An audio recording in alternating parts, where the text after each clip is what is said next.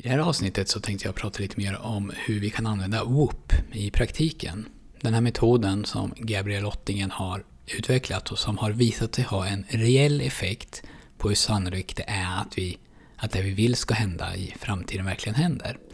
Metoden den sker i fyra steg. Wish, Outcome, Obstacle och Plan. Och på svenska då ungefär önskan, sen resultat, varför det här är viktigt, vad är den största fördelen för dig om det händer, sen hinder och sen plan.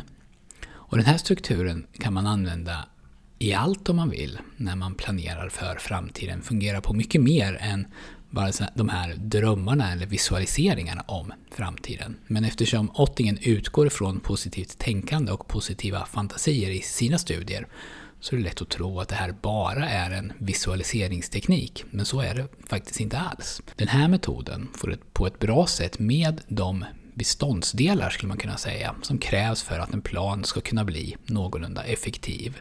Och som ofta glöms bort. Och det betyder att man tar med hindren som kan uppkomma i planen och att man planerar för hur man ska lösa de hindren. Så man kan använda det här när man ska planera sin dag eller när man ska planera sitt arbetspass eller när man planerar sin vecka. Och man kan använda det även i större och mer långsiktiga planer och mål. Och det första man gör då, det är att ta reda på vad man vill uppnå under en viss tidsperiod. Till exempel en månad eller en vecka. Och sen beskriver de största fördelarna som man upplever om det här skulle ske. Alltså varför vill jag göra det här under den kommande veckan då till exempel. Ett bra sätt att sedan identifiera möjliga hinder är att fundera på hur jag normalt sett har betett mig när jag försökt mig på någonting sånt här. Alltså vilka hinder har jag upplevt tidigare? Eller hur har det gått tidigare? Var har det gått fel tidigare?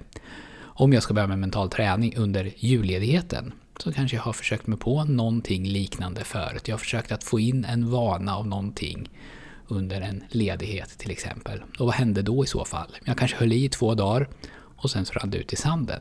Så ett hinder, det kanske största hindret, är att jag inte har gjort plats för det här nya beteendet i mitt liv. För jag kanske tänker att nu är jag ledig och det kommer att finnas gott om tid. Men om man inte tar den tiden så kommer den ändå aldrig att visa sig. För trots att man kanske jobbar mindre än normalt under jul och nyår så kommer det finnas massor att göra ändå. Och dagarna de går snabbt. Så då behöver jag hitta något sätt att få det här gjort. Trots att jag vet att det här hindret troligtvis kommer att uppkomma. Med då att jag aldrig får en tydlig lucka. Så planen kan se ut ungefär så här att vi skriver en om så-algoritm. Om jag har druckit upp mitt kaffe på morgonen så går jag till den här ostörda platsen och gör min mentala träning. Och jag har försökt att förbereda min miljö så mycket som möjligt för att göra allt i det här beteendet jag vill göra så enkelt som möjligt för mig själv. Och om det inte alltid blir gjort efter morgonkaffet så använder jag inte det som en ursäkt för att inte göra det överhuvudtaget. Vi gillar ju att göra planer och lustigt nog så funkar många av oss som så, och det här gäller mig med då, att vi tänker att om planen har spruckit så är det kört. Men fönstret, alltså det här fönstret för att göra mental träning, det är ju inte stängt bara för att jag inte gjorde det exakt så som jag hade tänkt från början. Att göra det här på någon annan tid är ju fortfarande möjligt och det är mycket bättre än att inte göra det alls. Så vi kan skriva en till algoritm. Om jag inte har tränat mentalt klockan 11, när alarmet piper på mobilen, jag har ställt ett alarm, så släpper jag allt jag gör och går och gör min mentala träning. Och så kan vi skriva en till algoritm. Om jag inte gjort min träning klockan 15 när alarmet piper så släpper jag allt jag gör och går och gör min träning. Och till slut då kanske.